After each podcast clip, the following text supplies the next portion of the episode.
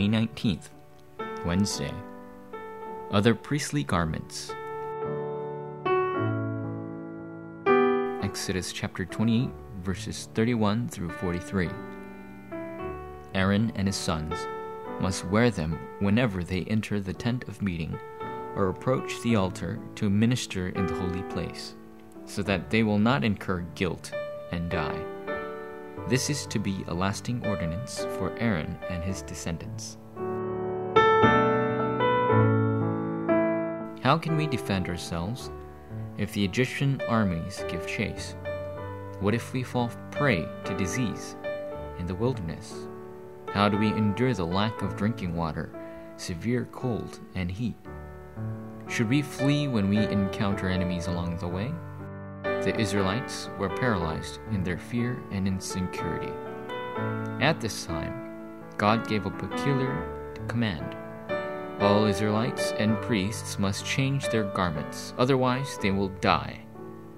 What does this mean? Number 1. Abandon the garments of the past. God tells us to shed the garments of past resentments, slavery, and nature of the wilderness. The Israelites' fear stemmed from their understanding of everything in the wrong way.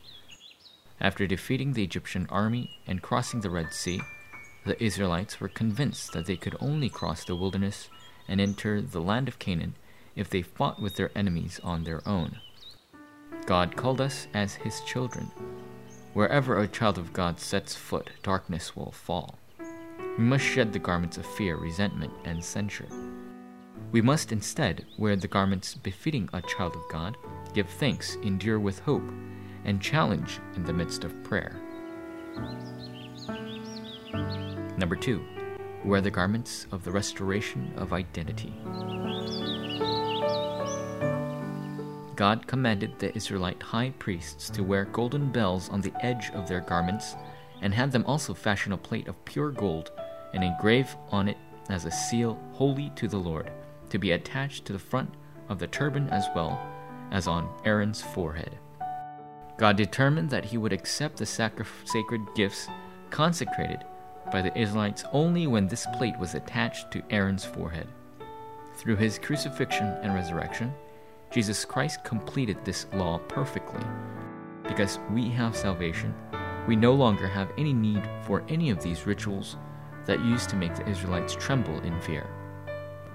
God calls righteous those who believe in the blood of Jesus Christ. God has given us the identity and authority to participate in His holiness. Now we need to believe in Jesus and wear the garments of changed identities. We must confidently mark our positions as children of God, no matter what extreme situations or crises we face, children of God with the gospel will never perish. Because of the gospel, our blessings will surpass physical boundaries, and we will enjoy the true mystery of success that comes from spiritual blessings. Forum topic Examine the garments you are wearing. If you are wearing the garments of the past and of your scars, quickly shed them. Wear the new garments given to you through Jesus Christ. If you have changed into your new garments, you need simply to enjoy the grace of God within your respective field as befitting a child of God.